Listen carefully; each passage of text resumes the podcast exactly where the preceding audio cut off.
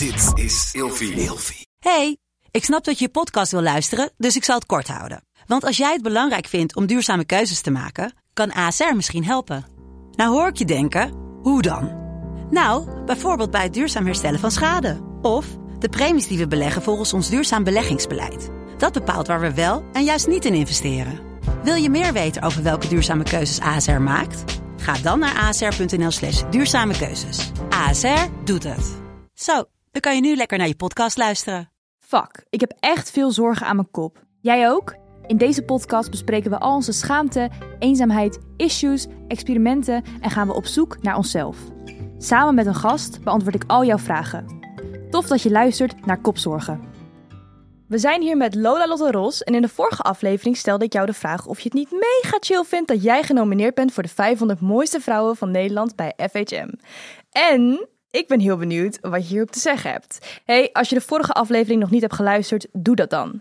Lotta, Hey. wat heb jij hierover te zeggen? Tuurlijk vind ik het leuk om in de FHM 500 te staan. Kom dat op. dacht ik al. want Tuurlijk is dat leuk. Het is wel een soort van validatie. Ja, maar ik denk dat het voor mij ook een deel... ehm, tuurlijk, het naampje 500 mooiste vrouwen van Nederland, dat is gewoon tof.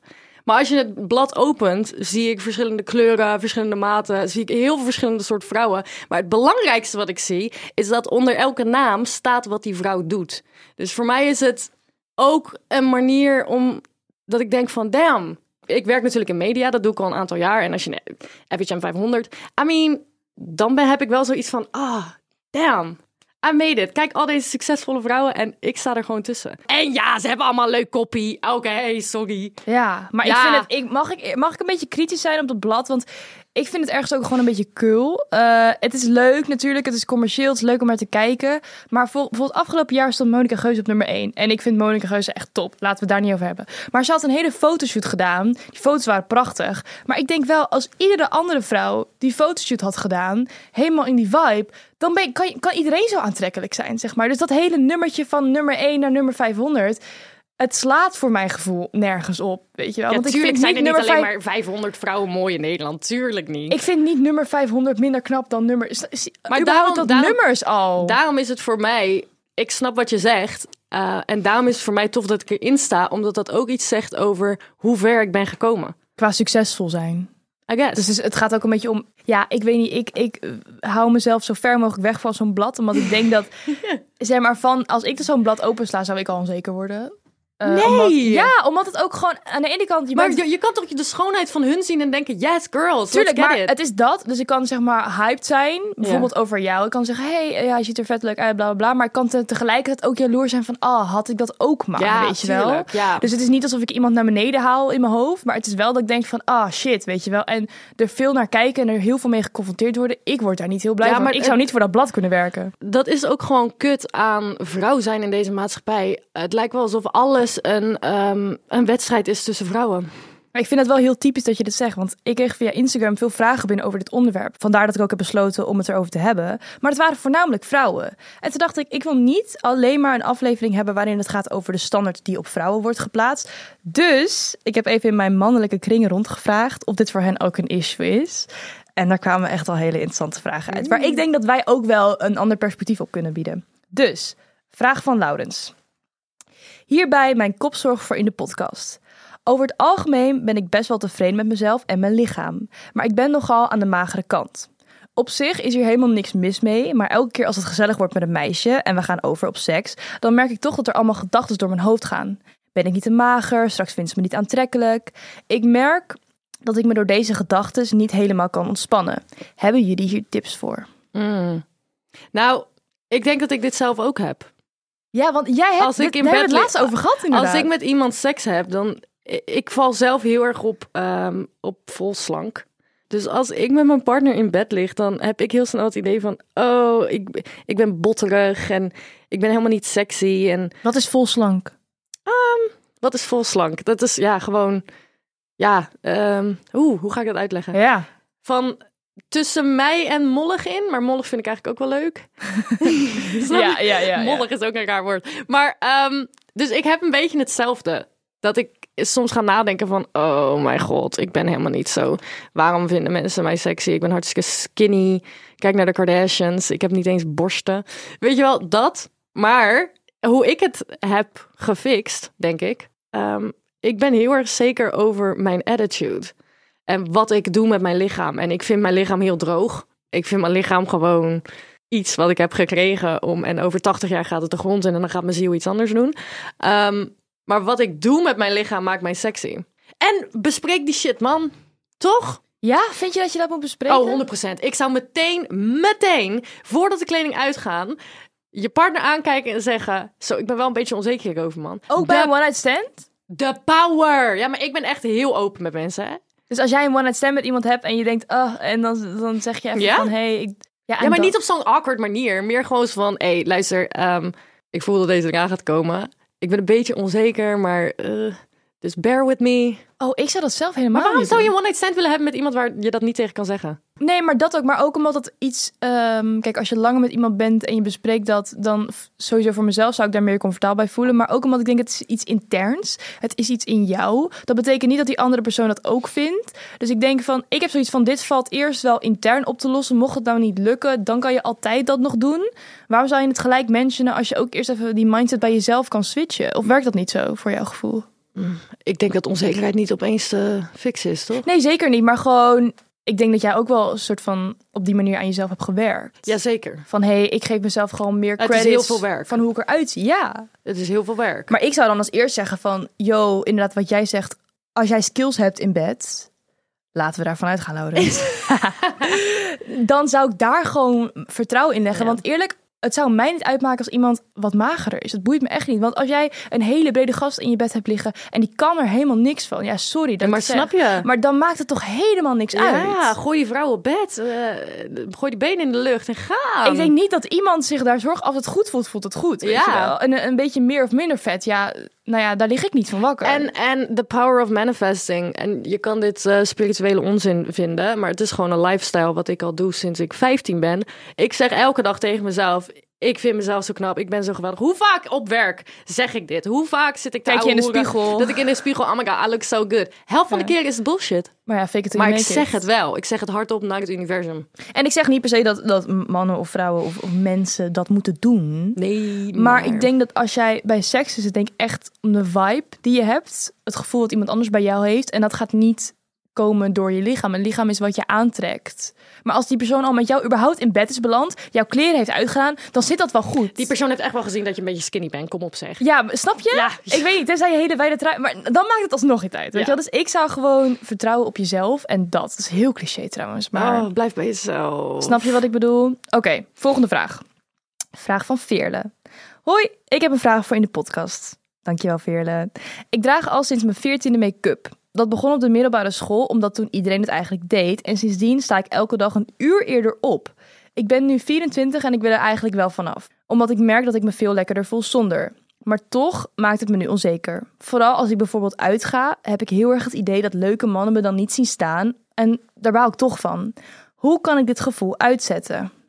Ja, meid, dit moet je echt niet aan mij vragen. Nee, ik voel dit zo kijk, erg. Kijk hoeveel make-up ik op heb. En ik begrijp volledig. Als ik geen make-up op doe, krijg ik veel minder aandacht. Het is vooral bij uitgaan, ik snap jou zo erg. Als ik uitga en ik heb geen mascara en een beetje lipstift op... en ik ben echt niet iemand die veel make-up draagt... dan, dan denk ik al... eh, weet je wel, dit gaat hem toch niet worden of zo. Snap het is je? zo erg. Ja, 100%. Ik heb het ook. Maar ook dat je uitgaat en dat je het gevoel hebt van... oké, vanavond gaan we uit, dus er moet geflirt worden... dus ik moet aandacht krijgen. Het is bijna niet meer alsof je uitgaat om lekker te gaan dansen... maar je wil ook wel een soort van validatie. Je kleed je toch wel wat leuker, la la la la. Ja, ja, ja. Iedereen ziet er super tof uit altijd als we uitgaan. Misschien kan ze het doen dat ze ehm, gewoon gaat minderen. Eh, eerst de ma- mascara, nee, eerst de foundation eraf, dan de lipstift eraf, dan de mascara eraf en dan kunnen de wenkbrauwen mee, snap je? En als je elke dag geen make-up draagt en daaraan gaat wennen, en het moment dat je het dan wel doet, denk je opeens, wauw, wauw, wauw. Dus misschien moet je gewoon in het dagelijks leven, Veerle, hallo, eh, in het dagelijks leven niks meer gaan dragen. Maar dan als je uitgaat, doe je gewoon een kleine mascara op. En dan denk je meteen, damn, I look so good. Snap je? Ja, maar gaat het er niet ook om wat je uitstraalt? Heb jij ook niet, als jij make-up op hebt, dan voel je al meer de shit, waardoor je gaat, meer gaat gedragen als de shit, waardoor mensen ook 100%. denken waarschijnlijk, oh, zij is de shit. 100% Dus- de straat is mijn catwalk. Als jij geen make-up op, op hebt en je denkt al van, eh, ik zie er niet uit, mijn gezicht is naakt, dan ga je dat uitstralen, waardoor Ja. mensen ook meer denken. Dus misschien is dat het wel gewoon, hè? Ja. Nou, aan de ene kant denk ik ja. Ja. Zeker. Het ligt aan je attitude. Maar laten we even heel eerlijk zijn. Ik ben prachtig zonder make-up. Maar ik ben wel echt anders met make-up. Dat is gewoon een gegeven. We zouden een keer een test moeten doen. Ik wilde net zeggen, wel, wij zijn collega's. Zullen we een keer na werk uitgaan en allebei geen make-up op doen en wel die shit ownen en dan kijken wat er gebeurt? Ja, ja, ja. Of we maken een rondje of zo. Je voelt je nu zonder ook make-up. comfortabel, oncomfortabel bij uitgaan, hè? Of niet? Oh nee hoor. Nee? Nou, als het niet een, eh, als het een stad ergens in eh, In Amsterdam. Friesland is. Nee, ik ga echt niet in Amsterdam zonder make-up. Daar heb ik gewoon Nou, geen zin in. Nee, nee. dat kan ik wel doen trouwens. Ja. Nou, ik heb één keer in de, in de, in de Jimmy Woo gestaan. Dit was echt een zo'n verschrikkelijke avond. Ik was bij... Mag ik heel even een verhaal vertellen? Want Ja, je gaat helemaal zeker. stuk. Ehm, ik was op een verjaardag van een vriend en we gingen daar naar Jimmy Woo. Goed. Hij zegt tegen mij, ja, we pakken een taxi. Stap in die taxi. Laatste moment...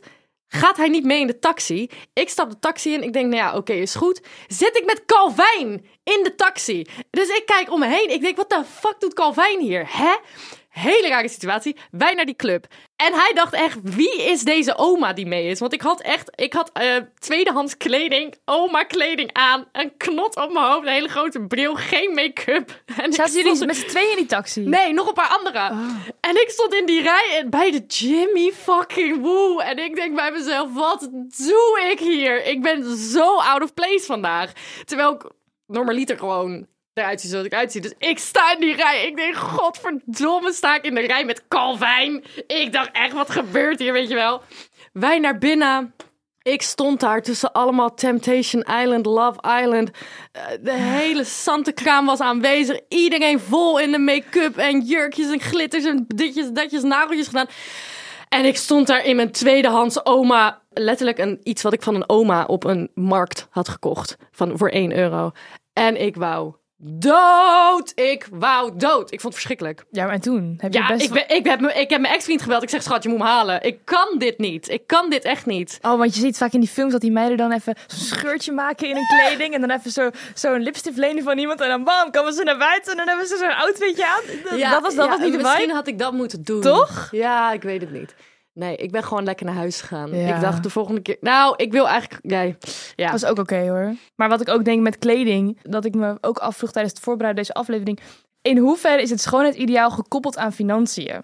Want mensen die er goed uitzien, volgens de norm, krijgen meer kansen. Waardoor ze meer geld verdienen. Waardoor ze er nog beter uit kunnen zien. Want ze kunnen allemaal dure kleding kopen, dure make-up en gezond eten. Waardoor ze beter gaan presteren. Waardoor ze meer kansen krijgen. Snap je? Het is een soort 100%. van opwaarts Tuurlijk. spiraalding. Dat ik wel denk van oké, ehm, we kunnen het nu leuk hebben over ehm, je innerlijk. En dat is ook zeker wel zo.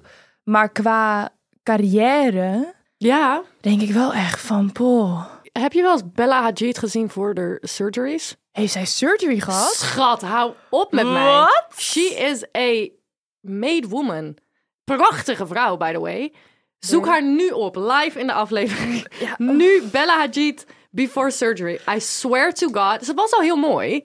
Maar ze hebben echt haar hele kop verbouwd naar next level model life. Maar zij lijkt heel natuurlijk. En dat is, Kylie Jenner. dat is het perfecte voorbeeld van je hebt gewoon geld. Je, je bent niet lelijk. Je gewoon Hou je back before surgery.